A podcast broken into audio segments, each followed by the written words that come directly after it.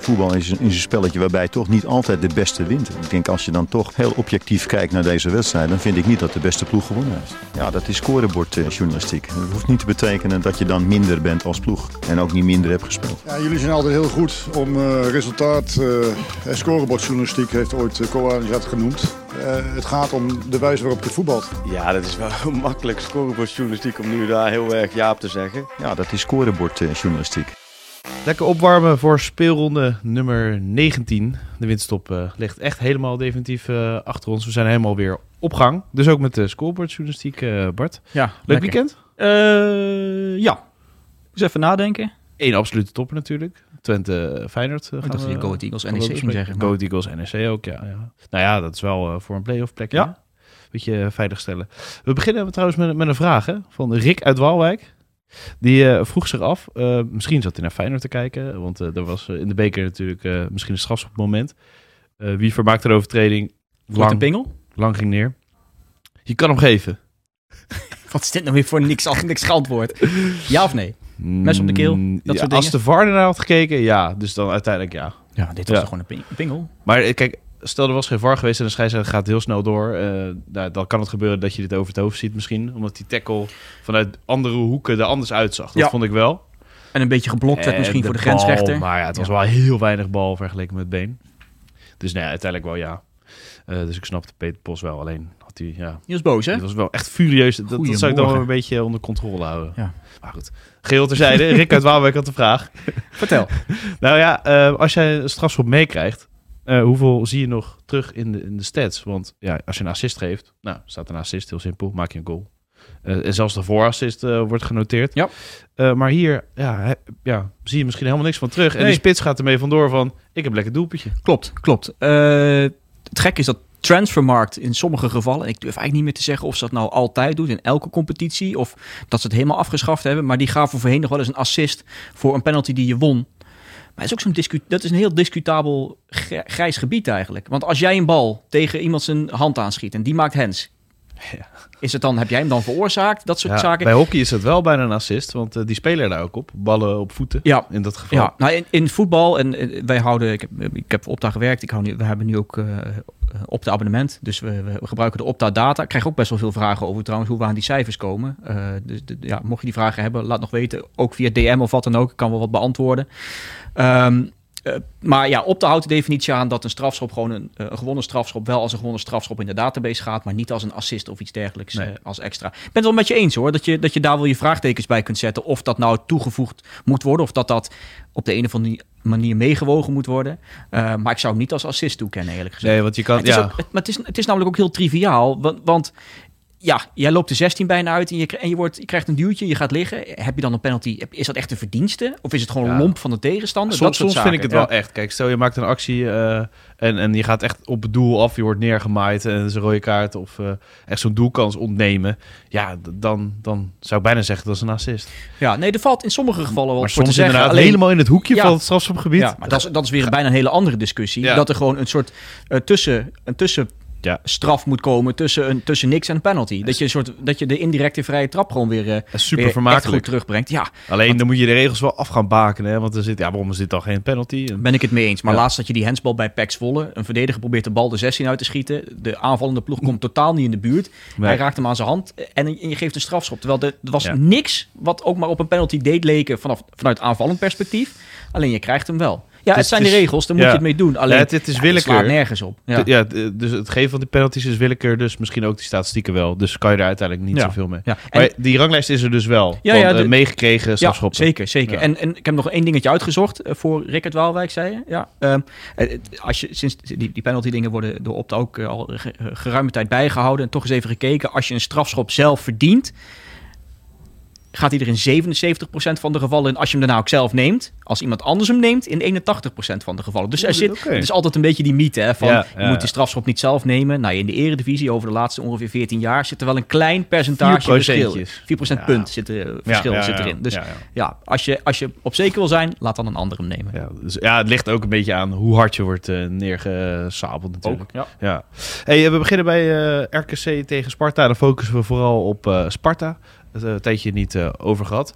Ja, een beetje, een beetje anoniem seizoen, denk ik. Uh, nou ja, dat valt er wel mee. Mm, nou, Ja, nou vergeleken met vorig seizoen, ja. Achtste Ja, gaan ze het weekend in. ja, ja. Het is alleen dat ze heel misschien ben je wel- zijn. En je dat bent is, er wel- dat is misschien hetgeen Ja, wat, ja. Je, wat je dan eh, wat je, wat je en in deze competitie, achtste, eh, ja, dat kan natuurlijk heel snel eh, veranderen, dat Ja. ook. Nou ja, ze hebben een gaatje van vijf punten met de nummer 9. Dus ze zitten aan de veilige kant. Alles daaronder, Excelsior staat daaronder Ja. met, eh, met 20 punten. Ja, die staan negende. Nummer 15, Herakles heeft 19 punten. Er zit één punt tussen. Dus ik ben het met je eens. het is niet spectaculair, maar wel heel knap dat je de Sparta en dat rijtje al schaart. Dat je er bijna gewend raakt. Dat ze daar nee, ongeveer staan. In dat opzicht Dus hebben ze een goed seizoen. Ja. Eh, wat wel, ik heb een paar dingetjes die me opvallen aan het seizoen zelf, voordat we echt wat dieper in de materie duiken. Ehm, dat ze het hele seizoen nog geen twee wedstrijden op rij gewonnen hebben. Nou, dat gaat nu weer niet lukken, want ze hebben vorige week niet gewonnen. Dat is de definitie van eh, wisselvallig. Ja, Ja, nou ja, en die wisselvalligheid. Ze hebben sinds begin oktober niet twee duels op rij hetzelfde resultaat gehaald.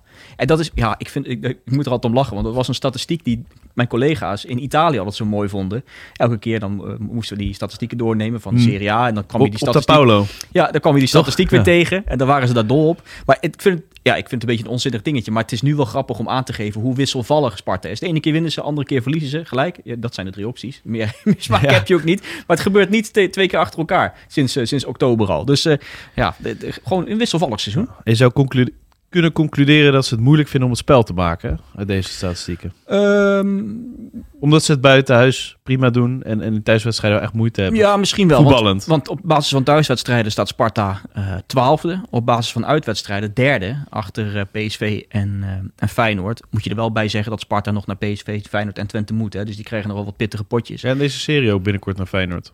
Ja, dus, dus ze, krijgen, ze krijgen nog wel wat taaie uitwedstrijden voor de kiezen. Maar als je ziet dat ze vijf potjes hebben gespeeld tegen ploegen die nu in het rechte rijtje staan, uit. En die hebben ze allemaal gewonnen. En dat is waar je de punten moet pakken als Sparta zijn. En, En die krijgen dan nog thuis. en die krijg je ook nog thuis. Dus, dus wat, wat dat betreft doen ze het goed. Eh nog een aardig cijfertje. 64% van alle punten die Sparta pakte dit seizoen werden in uitwedstrijden gepakt. Ja. Nou, dat is het hoogste percentage van alle ploegen. Dus het goede nieuws voor Sparta. ze moeten naar Waalwijk toe dit Ja. weekend. Dus dat is mooi voor ze. Ja, ja. en eh, qua kwaliteit zal het elkaar heel erg veel ontlopen, RKC eh, Sparta. Misschien in de echt goede seizoenen van RKC dat het wat dichter bij ja, Sparta maar zou volgens mij we, hadden we niet RKC vorige week hier behandeld. Dat we toen ook zeiden van, het, het- ze staan zestiende. Ja, dat heb je niet door. Je hebt het niet door, Nee. maar ze, ze, ze hebben ook niet de hele seizoen niet zo hoog gestaan. Alleen Nee. je, je hebt de laatste jaren een soort sympathie opgebouwd voor die club. Omdat ze Mhm. het met, met beperkte middelen echt knap doen. Alleen ja, dit kan wel eens zo'n seizoen zijn dat ze eruit kukelen. Ja, ja. en eh, Sparta eh, maakt niet heel veel doelpunten. hè. Dat is in ieder geval Nee. eh, Ik opvallend. vind, ik vind dat altijd wel mooi trouwens, als een ploeg meer punten heeft dan doelpunten. het, komt, het komt nog best wel vaak voor hoor. Maar Sparta is bijvoorbeeld zo'n ploeg die dat heeft. 24 goals, 25 punten. Ja, knap als je daarmee in het linkerrijtje staat met zo weinig doelpunten. Want als je die ploegen om hun heen bekijkt, dan hebben ze allemaal eigenlijk meer doelpunten gemaakt. Ja, ik vind die Mito wel een mooie speler trouwens. Ja. Ze, ze hebben Saito natuurlijk en nu ook een Mito. Ja, die, ja. Nou, vertekenen dat ook wel een beetje tegen Fortuna. Want die Silas, die, is, die is niet zo heel snel. Nee, die is niet zo. Die is Die is snel. vooral Nee. fysiek sterk, Ja. zeggen ze dan. Ja. ja, maar een beetje log, inderdaad. Maar dat is echt wel een speler om naar uit te kijken. Nou, en hij liet het ook eh, meteen eh, zien met die goal. Nou, die, Nou. Die, dat is een speler eh, die kan zo het verschil maken tegen RKC natuurlijk. Als hij, als hij fit is en als hij, als hij speelt. Wat, waar waar eh, Sparta wel een beetje op moet letten is... Ze schieten best wel veel. Ze staan achtste in het ranglijstje van meeste schoten. Alleen, ja, je moet er maar eens op gaan letten als je deze wedstrijd bekijkt... of ze het nu weer doen. Ze schieten zo gruwelijk veel van afstand. Eh 43% van alle schoten komt van buiten het strafschopgebied. Nou ja, de nummer 2 op dat ranglijstje is Twente met 38%. Er zit al best wel een gat tussen. Ehm, nou ja, en dat zorgt er simpelweg voor eh, dat, dat die expected goals per schot heel laag is. Hè? Want hoe verder je schiet, hoe minder kans natuurlijk Ja. dat hij erin gaat. Nou ja, dat hele verhaal. Ehm, de- dus als je kijkt en je laat de strafschop even buiten beschouwen, dan hebben ze 9% kans per schot dat hij erin gaat. Dat kun je omrekenen. Expected goals 0,09 expected goal per schot is 9%. Dat is een beetje de, de, de ja, het is niet eens een rekensom, het is gewoon de, de- de Mm. omzetten. Ja. Eh, en dat is op, op Fortuna en Sparta het laagste in, in de eredivisie. Ter vergelijking Feyenoord 13%, eh, PSV ongeveer 12,5% per schot. Dus die komen, als je de strafschoppen nogmaals even wegdenkt, tot best wel goede kansen. Nou, Alleen Sparta niet, omdat gaat. Zo, Ja. Zo vaak van, eh, van buiten het strafschopgebied schieten. Met bijvoorbeeld de Guzman die het al 15 keer deed. eh Negli 15 keer. Is het ook weer gelukt bij de Guzman? Eh, Oeh, uit mijn hoofd niet volgens mij. Ja. Nee, nee. Eh, en, en ja, deze statistiek eh, met afstand schieten, dan vind ik het wel mooi dat Excelsior dan de ploeg is die het meest van binnen het strafschopgebied schiet. Eh, daar komt maar 29% van ver en dus 71% vanuit het strafschopgebied. Zij- Zij tikken lekker door, wachten tot ze in, in goede positie komen, terwijl Sparta denkt, nou, we gaan gewoon, gewoon aanleggen. Ja, en dan krijg je inderdaad dat je niet zo gek veel scoort, omdat je, ja, die, die schoten van afstand gewoon niet zo, niet zo efficiënt zijn. Maar dat zou misschien omhoog kunnen gaan als ze dit straks luisteren. Dat ze heel zou, eventjes... zou eh, ze luisteren en denken, ah, ik wilde nu gaan schieten, maar omdat die gast met die cijfers dat gezegd had, dan wacht ik nog even. Maar waar zou het ook kunnen liggen? Is dat echt zo'n zo'n speelstijl? Onder Stijn was het wel ook wel, volgens mij, dat ze van afstand eh was schoten. Maar Ja, misschien soms ook wel dat je er gewoon niet doorheen komt. Ja. Hè? En dat je dan denkt, Ja, ja, ze hebben- het is niet altijd slecht om van afstand te schieten. nee, hè. nee, wat Je moet- Feyenoord vorig seizoen was bijvoorbeeld een voorbeeld eh, dat het heel goed ging. Nou ja, en qua variatie. Want als je Mm. niet van afstand schiet, word je wel heel voorspelbaar. Dan Ja. weten de tegenstanders, nou, eh, we, we zetten hier een muur op, want ze gaan toch niet schieten. En eh, we laten ze komen. En we hoeven niet, eh, niet bang te zijn voor rebounds en dat, dat soort dingen. Nee. Want nou ja, ze schieten toch niet van afstand. Dus de vies wel proberen. Alleen misschien niet zo absurd Ja. veel als Sparta dit seizoen. Nou ja, en misschien inderdaad speelstijl wat Lauritsen, die, die de tweede bal op iemand laat komen. Dan heb je een afstandsschot Ja, bijvoorbeeld, Omdat je daar die ruimte hebt. Het kan natuurlijk met je speelstijl te maken hebben. Want die van Rijsdijk lijkt wel van Stijn. Ja, het is niet dat het eh wereldschokkende verbetering Nee. of verandering is. Hè? Nee, nee, precies. Ja, is ook logisch Is ook als erg, het eh, assistent is. Ja. Eh, dan nog een speler die de- bij jou opvalt, bij, Ja. bij, Sparta. Camille Negli. En dat was vooral voor de winterstop. Want ja, hij was, was de laatste weken geblesseerd. Ik weet eigenlijk niet zeker of die, of die echt minuten kan gaan maken. Ik hoorde wel dat hij weer meetraint. En dat, dat de trainer inderdaad goede hoop had dat hij er dit weekend weer bij is. Maar ik vind dat een leuke speler. Ik heb daar een tijd geleden nog een verhaal over gemaakt. Over de vijf spelers tot en met 21 jaar. Die niet bij de belofte speelden. Want ja, eh, in de, in de KKD vorig seizoen. Ja. En die betrokken waren bij de meeste goals. En dan heb ik die belofte spelers even buiten beschouwing gelaten. Omdat ja, als die goed zijn, stromen ze door naar het eerste elftal. Dat, dat vind ik een iets andere route dan dat je bijvoorbeeld heel goed presteert bij de graafschap. Zoals Camille Ja. Negli deed. Bij de grote mannen. Ja, nou ja, de, de vijf spelers die dat vorig jaar waren, eh, de, de MVP's tot 21 jaar, waren Thomas van der Belt, Ruben van Bommel, Jarne Steukers, Camille Negli dus en Younes Taha. En eh, de overeenkomst met al die spelers is dat ze na, in, in de zomer een stap naar, eh, naar het hoogste niveau hebben gemaakt. Eh, nou ja, Feyenoord, AZ. Steukers was gehuurd door MVV van STVV. Die speelt echt heel veel in België. Oh. Ik kijk de Belgische competitie amper. Maar als je die kijkt, STVV, daar doet hij het heel goed. Kreeg Die naam was ik echt helemaal vergeten al. Steukers. Ja. Ja, nee, dat kan ik me voorstellen. Maar die, die doet het goed in de, in, in de Belgische hoogste afdeling. Ehm, en, en van die andere spelers, die hebben allemaal de stap naar de eredivisie gemaakt. Naar een eredivisieploeg. Ja, een beetje mixed feelings. Van der Belt speelt amper. Eh, van Bommel eh, met, met ups en downs. Taha begint er een beetje doorheen te komen. Maar Negli is degene die het meest speelt. Ja. Eh, Ook vorig jaar, wel eh, bij een club ja, iets waar dat logisch is. Ja, dan is het wat logischer inderdaad. Eh, vorig jaar was hij goed voor 11 goals en 4 assists bij de Graafschap. En ik was er benieuwd of hij dan of hij die stap kon maken naar die Eredivisie. Ja, er En ook wel nogmaals, ik- transfersom betaald, als Sparta. ik, ja. ik ben het met je eens dat de stap misschien iets gro- minder groot is dan, dan bijvoorbeeld uh, Taha, die een paar jaar tijd van uh, Volenwijkers uit mijn hoofd naar Twente gaat. Ja. Nou ja, dat is een hele grote stap. Ehm, maar ik vond het mooi dat hij eh, fysiek eh, weinig aanpassingsproblemen had, die Negli. Dit waren cijfers uit de winterstop, daar kwam ESPN mee. Ehm, voor de Eredivisie wordt, wordt de tracking data bijgehouden. Dat zijn de, nou ja, hoeveel afstanden je aflegt per wedstrijd, uh, hoe snel je sprint. Op, op, een BH'tje hebben ze aan, toch? ja, in, in, eh, in, in dat, dat, dat wordt door clubs gedaan. En volgens mij in de Eredivisie door, door camera's kunnen, kunnen Oh. clubs het ook krijgen nog extra. En dat gaat dan alleen naar ESPN, helaas. Kunnen wij er niet. Ja. Maar ESPN schreef erover. Maar krijg je al die, die blokjes in beeld en dan zie je die data ja, soms wel. Ja, niet zo heel vaak. Het wordt toch weinig gebruikt. Maar ik vond het wel leuk dat ze een soort overzicht hadden in de, in de winterstop met ja, de fysieke data. En dat was leuk dat die Negli, die kwam er echt in, in heel veel dingen opvallend uit. Wat mij niet wat je op het eerste gezicht Nee. niet opvalt. Maar dan komt hij daaruit als eh, na Lennart de aanvaller met de eh, gemiddeld meeste kilometers per wedstrijd. Ehm, ook in de eerste seizoenshelft de recordhouder. Eh, om, doordat hij tegen Twente 14 kilometer liep. Dat was het hoogste aantal in een wedstrijd in de eerste seizoenshelft van een speler. En dat Negli ook de speler is met gemiddeld de meeste meters boven de 20 kilometer per uur in een wedstrijd. Dus eh, hij legt veel af. Ja, en dan moet je dat, als je dat, ja, je moet het in 90 minuten doen. Dus Ja. je moet ook wel aardig doorlopen. En dat, dat doet hij aardig.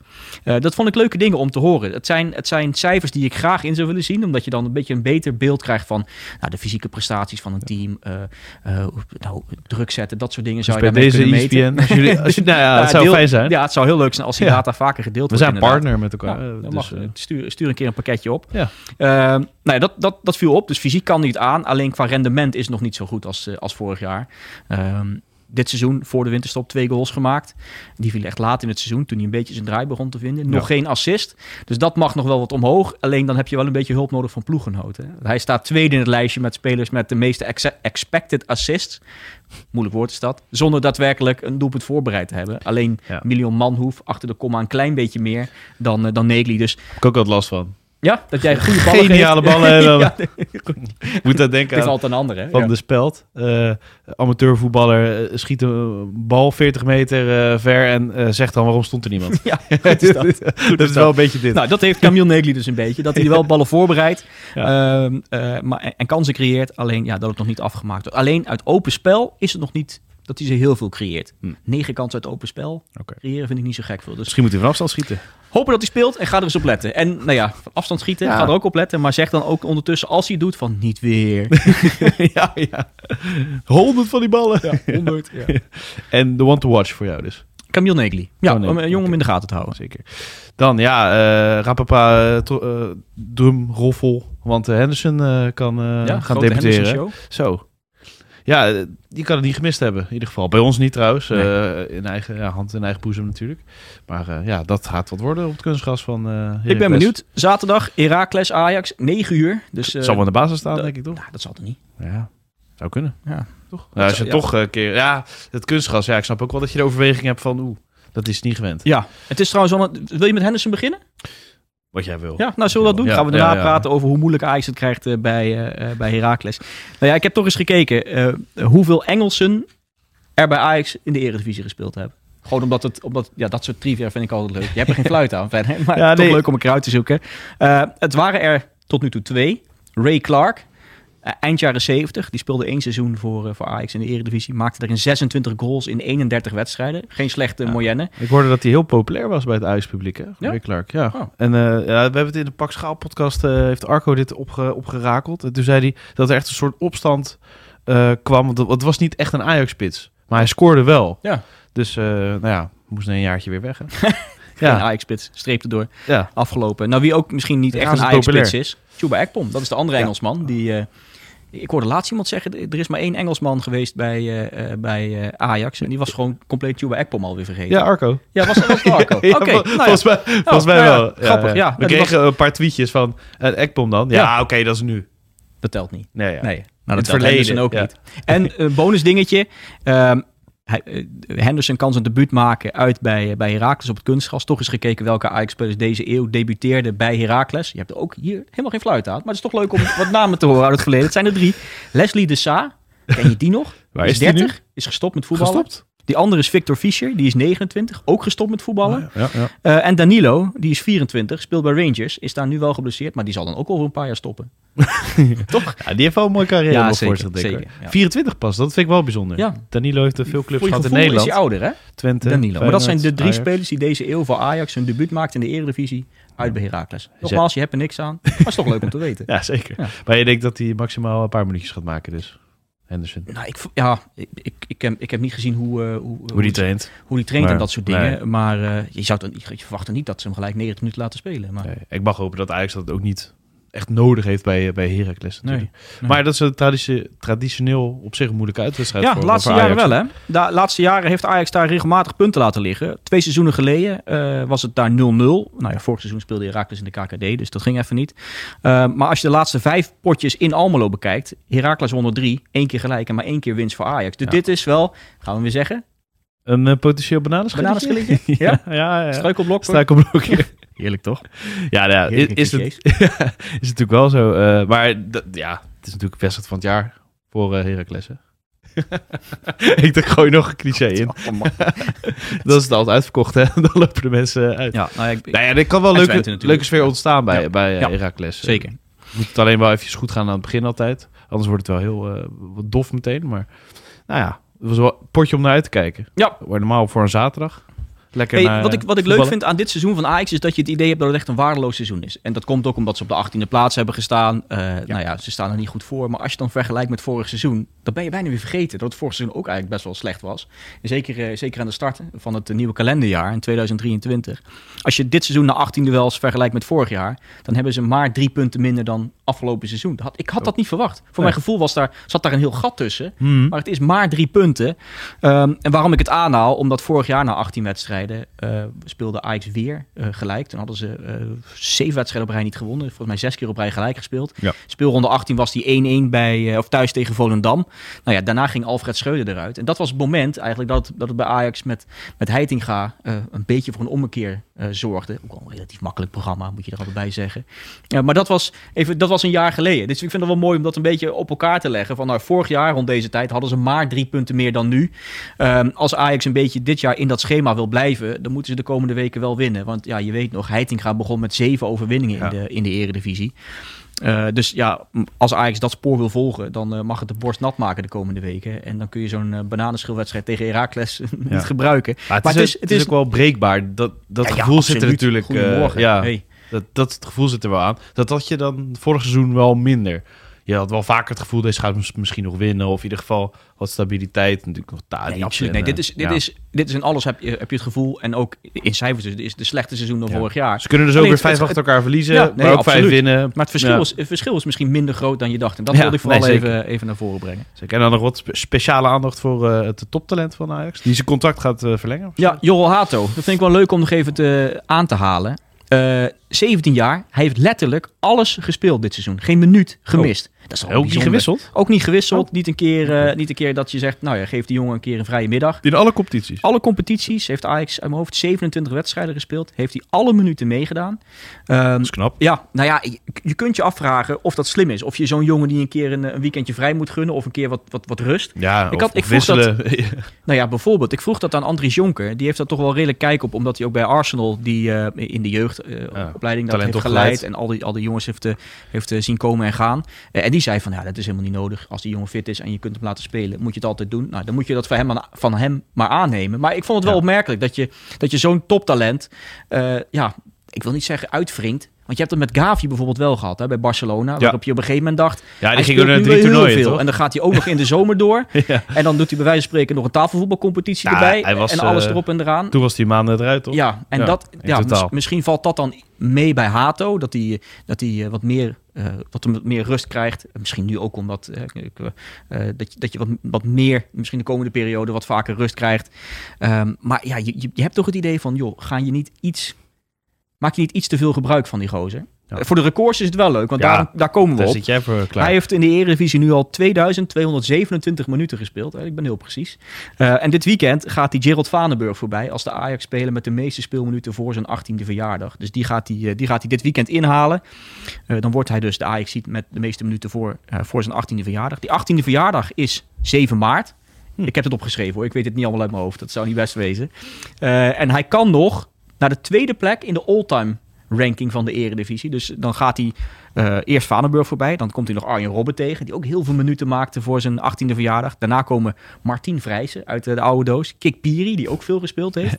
Piet Giesen, zal je ook niks meer zeggen. Nee. En, en Frans Bouwmeester, dat was wel een eh, redelijke legende in, eh, in echt de eerste jaren van de Eredivisie. Speler van NAC, Feyenoord. Dit gaat trouwens over Frans Bouwmeester senior. Je hebt een junior, al waren dat geen vader en zoon. Volgens mij waren dat, was dat een soort oom. Het was wel familie. Ze waren bijna even oud, maar dit klinkt als, als senior en junior klinkt alsof, de, alsof er eh, 20 jaar tussen zat. Ja. Dat was niet het geval. Eh, nou, die Frans Bouwmeester die speelde 300 of 3010 minuten. We gaan nu gewoon alle getallen opnoemen. en, eh, en Hato kan op plekje 2 komen. in het Dat klassement, heel snel Als hij, al. als hij nog alles, alles speelt. En dan bijvoorbeeld Arjen Robben nog voorbij. Nou, dat, dat vind ik wel leuke, leuke dingen om in de gaten te houden. Dat soort, dat soort records. Knap dat hij dus alles speelt. En, en ja, bijzonder dat hij en altijd fit is dus. En geen kaarten krijgt waardoor hij eh, geschorst is of, een of, of, van het veld uit moet. Hij misschien wel op zijn verjaardag eh, een nieuw contract hebben. Want hij is 17, dus mag je nog niet een langdurig contract eh, tekenen. Dus het zal dan wel rondkomen. Dat is wel mooi. ja, voor ja, die, er zijn wat kapers op de kust. Hè? Die Ja, wordt gevolgd door Arsenal. Arsenal, ja. Ja. een beetje de Timber-route natuurlijk, begrijpelijk. En eh Ajax heeft meer spelers om te koesteren. hè? Nou, Steven Berghuis en Steven Berghuis. beste spelers van de Eredivisie, toch? ja, was dat nou voor een quote? Goed, of wel? Ja, hij was opeens weer kribbig. Dus, ja, uit het niks. En Ja. dan... eh, Hey, wat vind je daarvan? ja, moet, je dat zeggen? moet je dat zeggen als speler? Eh, nou, no, no, nee, je zegt nooit dat je eh, de beste speler van de Eredivisie bent, toch? En helemaal niet na zo'n seizoen. Ze lopen er af en toe bij... Ja, misschien dat de, de timing Dat- niet ideaal is. Kijk, nee, als dat ze ongeslagen bovenaan zouden staan, dan had, het misschien gekund en dat je de topscorer was van de Eredivisie. Ze En lopen de- er soms bij alsof ze Ja. op een bijveld lopen. En, Ja. eh, dan is, ja, nee, geen slimme... Ja, het is een goede speler. En eh, nou ja, daar, daar heb je ook... eh, Ja, veel- nog even een klein dingetje, gescoord. want dat ga je dit weekend ongetwijfeld horen. Eh, Steven Berghuis was tot nu toe bij 199 doelpunten betrokken in de Eredivisie. Hij kan de vierde speler worden deze eeuw met minimaal 200 eh, goals of assists, hè, als je het bij elkaar optelt. Na Dusan Tadic, Luc de Jong en Dirk Kuyt. Nou, is toch wel een leuk rijtje met, eh, met goede Eredivisie-spelers. Nee, zeker. Nou, als je het zo bekijkt, dan, dan is het best een aardige speler, toch? Nee, maar hij, heeft een punt natuurlijk. Dat hij een van de beste tuurlijk. spelers van de Eredivisie eh, eh, is. Maar dat hij niet hoeft te verdedigen, slaat natuurlijk helemaal nergens op. Nee, helemaal mee eens. Dat doe je als team, natuurlijk. lijkt mij. Dan de absolute kraker van de, de speelronde. Twente, sorry, Feyenoord FC Twente. En dan zoomen we in op Twente. Wat ja, nogal heet hangijzer heeft met eh Ugalde natuurlijk. Of, Ja, die, of die weggaat inderdaad. of niet. Ja, zou zometeen voor- nog een statistiekje erover. Die was tegen Feyenoord in de, in de thuiswedstrijd heel erg goed. Dus eh, ja, lekker, eh, lekker aan het zuigen, die verdediging. En echt snot voor zijn ogen aan het rennen. Ja. Dus ja, die maakte de verdediging heel lastig. Als je daar inderdaad miljoenen voor kunt krijgen, een recordbedrag voor Twente, Ja. dan zou ik hem niet opstaan dit weekend. En dan zou ik, Nee. hem, zou ik hem in, een, in een kistje doen, met van dat piepschuim erin. Ja, ja, ja, dat is altijd zo moeilijk, hè? Want als je dan gaat trainen, waarom kan je dan niet spelen? Ja. Nee, mee eens. Mee eens. maar goed. Ja. Ja. nee, ik denk niet eh, dat ze dat gaan doen. Maar ja, zou, ja is het ge- geen gekke kwestie om aan een Russische club eh, te verkopen? Ja, Want er, er vloeit wel geld uit Rusland. Dus daar is natuurlijk niet veel mis mee. Maar het is wel een club waar je misschien geen zaken mee moet Ja. doen. Maar ja, als het 15 miljoen is, ja. ja het is echt moeilijk voor Twente, hoor. Ja, nee, helemaal mee eens. Ik, het is ook lastig om daar... Want eh, wij kunnen hier gaan roepen, ja, dat kan, dat kan echt niet. En ja, maar ja, Twente, heeft- ja, je hebt wel eh, mensen En- waar je rekening ja, mee moet houden binnen je organisatie. En volgens mij hangt het, zijn er dan twee dingen. Of het, of het juridisch mag, en dat zullen ze helemaal uit, eh, uitzoeken. En of je het, ja, of het, of het, of je het moreel verantwoord is om het te doen. Ja. En ook nog eh, je ambities, hè. Eh, als we dan puur op de ambities... Van de eh, speler of van nee, de van de FC Twente. Oh, Van, ja, ja, je doet mee om nog de tweede plek of derde plek. Ja, ja moet je dat wel doen dan? Want bijvoorbeeld met Seruki, toen in de winter met Feyenoord, hebben ze hem niet laten gaan. Nee, nou het ligt er ook aan wat je, hoeveel je krijgt en, en hoe lang de transfermarkt nog open is. Ze hebben nog een paar dagen. Ik weet niet of ze een schaduwlijstje hebben waarvan ze direct iemand... Ja, Uh, die heeft van Volendam, Zeefuik. Zeefuik, nou Ja. ja, die, zou je, die zou je kunnen halen. Ik weet niet of die, dat direct de één op één eh, versterking is die... eh Nee, er zal voor Wolfswinkel gaan spelen Ja. en dan hij nou, erachter. die ja. scoort genoeg ook van Wolfswinkel, toch? Ik weet niet of hij nog 90, 90 minuten kan spelen. Maar, eh, Dat is even de vraag. ja, wat, wat mindere periode in ieder geval bij FC Twente. Er komt net niet op een lekker moment in ieder geval Feyenoord. Hè? En, Nee. en met Oegalde erbij. Dat, Het ja, valt allemaal even een niet beetje in het voordeel, de laatste weken. Zeker Ja. in uitwedstrijden. Dan krijg je bijna een soort flashback naar vorig jaar. Toen het uit echt bijzonder matig was. Ja. En, en daardoor eh, ja, alle hoop op ook na de echt een hoge eindklassering een beetje, een beetje vervlogen was. Ja. Eh, nou ja, een van de laatste vijf uitwedstrijden maar gewonnen nu, Twente. Ehm, dat, ja, als je, als je gelijk speelt bij Heracles, Utrecht, Sparta, eh, verlies van NEC, dan, ja, dan heb je gewoon even een dippie. Alsnog is het wel beter wat ze dit jaar uit laten zien dan, eh, dan vorig jaar. Vorig jaar pakten ze maar, maar eh, 21 punten in 17 wedstrijden. Nu zitten ze op 15 uit 9. Dus het, het klinkt bijna als Mos trouwens. Maar acht puntjes, Ja. Ajax. wat goed was dat, hè? Dat was goed. Eigenlijk kunnen ze dus acht puntjes pakken, Aad. Ja. Ja. Ja, ja, Nee, precies. Eh, dus, dus het gaat wel beter dan vorig jaar. Alleen als je dan, ja, als je dan die, die, die recente reeks kijkt, dan denk je, oeh, als je met dat in het achterhoofd naar de Kuip gaat, Ja. fijne middag. Ja, ja, nou ja, en eh, we hadden het dus over eh Ugaldo, daar gaan, we- komen we straks op. Eh, maar ja, wat is nou het handelsmerk van, van Twente op dit moment? Nou, er is één ding, dat vind ik heel gek. En dat is, ik heb daar letterlijk mijn hoofd over... Nou ja, niet letterlijk. Ik heb, nou, dat is zo'n beetje gek als mijn hoofd erover breek. Maar ik heb er wel heel lang over nagedacht. Het is niet letterlijk gebeurd. Ik leef nog en eh, mijn hoofd is nog heel. Eh, ja, er is iets aan de hand waarvan je eerst denkt, dit kan niet. Eh, daarna ga je kijken, zou er dan iets mis zijn bij het, bij, als de data verzameld wordt? Heeft er iemand zitten slapen? Ja, Ja, maar die wedstrijden die worden dus geanalyseerd. Die worden daarna nog een keer frame voor frame bekeken. Er zit nog in- iemand anders op om dat nog een keer na te kijken. het bestandje heb je drie keer gedownload om te kijken of het klopt. Ja, dus, Ja. dus het, het zal wel kloppen. eh, maar het, het verhaal is als volgt. Als FC Twente schiet, wordt hij in de 36%, ruim 36% van de gevallen... zit er een tegenstander tussen met een been of een rug of een, of een schouder, wat dan ook... die het schot blokkeert. Dat is flink. 36%. Dat, Dat is echt toch? absurd veel. Ja, ja. Eh, nou ja, dat is niet alleen het hoogste percentage dit seizoen, maar ook veruit het hoogste sinds het wordt bijgehouden. Dat is 2010, 2011. Eh, het vorige record was 31% nu 36 Dus daar, daar ga ik al op letten dit weekend. Ja. Schiet je dan echt vanuit zulke lompe posities dat er steeds vier man voor staan, dat je er gewoon, Ja. dat je er gewoon niet doorheen komt? misschien instructie dat het veel vanaf eh, de tweede lijn... eh, Nou ja, dat zou kunnen. ja. Maar het is niet dat ze, daar hebben we net gehad over eh, bij, bij, bij Sparta. Ja. Het is niet dat ze extreem veel van, van afstand schieten. Oké. Dus dat is wel gek. Dat ze, dat ze, dat, dat is wel gek. Maar dan komt het. Ehm, nou ja, en, en even nog even ter vergelijking, om wat beetje context te geven. Ehm, in de afgelopen jaren ligt het gemiddelde percentage op, dat schoten geblokkeerd worden in de hele eredivisie ongeveer op 25 Dan heb je een beetje een beeld van Ja. 1 op de 4 wordt normaal gesproken geblokkeerd onderweg. Hè, door een tegenstander. Soms- veel trouwens. Soms door een eigen speler, dat Ja. kan ook nog. Maar, maar nu bij Twente dus 36% Dan denk je, oké, nou, dat kan gebeuren. Ja. Maar aan de andere kant van het veld blokkeren ze bijna niks. Dus wat ze zien gebeuren met hun eigen schoten, kunnen ze dan vervolgens niet zelf doen. Het is eh 16% van de schoten van, eh, van de tegenstander Dat is wordt weer door 10% Twente onder. eh, wordt, ja. wordt geblokt door, eh, eh, door, eh, door Twente-spelers. Nou, dat is het laagste dit seizoen. Het drie na laagste sinds 2010, 2011. Dus dat is ook echt apart. Eh, en, en ter vergelijking, dit jaar PSV blokt ruim twee, eh 32% van de schoten van de Hmm. tegenstander. Dus één op de drie schoten bijna eh, weten ze Ook onderweg hoog. van, van richting te te Ja. veranderen. Maar ja, het, het- ga daar eens op letten dit weekend. Waarom Twente ze en Bloks. alsof ze wegduiken als er een schot aankomt. en, en, en dat niet doorhebben van eh, misschien als wij schieten, dan Ja. eh, moeten we dat iets, uit iets betere posities doen. Want al onze schoten, nou dat is een beetje overdreven, maar heel veel, heel veel schoten van ons worden geblokkeerd. Een v- Ja, er is, echt, er verhaal, er is toch? echt geen verklaring voor te vinden, toch? Ja, het enige wat je, wat je kan zeggen is dat ze te veel uit hoeken schieten of zo, wa- waar het onmogelijk is. Nou, dat zou kunnen. Dat Zo- zou kunnen. Zoiets, want Ja. dan is het makkelijker om, om te blokken. Ja, maar Ja. ja, je, nogmaals, dit zijn van die dingen waar je, die, die mij opvallen. Eh, het, is, het kan met opportunisme te maken hebben. Ja, eh, waar je niet echt een duidelijke verklaring voor hebt. Je had op een gegeven moment zo'n verhaal dat Liverpool bijna geen schoten blokkeerde. Eh, en dan kwam er een blog online en, en daarin zei iemand van... ja, volgens mij is dit een hele tactiek dat, dat Virgil van Dijk wegduikt. Zeker als er van afstand geschoten wordt. Omdat ze weten, we hebben een goede keeper staan. Die pakt die ja, ballen wel. niet, ja en niet alsof, het een, alsof het met voorbedachte raden was. richting veranderde schoten Ja, gaan er heel vaak Omdat in. het best wel link is. Dat als, als Van Dijk hem dan raakt met zijn met zijn- met zijn hak... en dan gaat hij de andere hoek in, dan, dan is de keeper gepasseerd.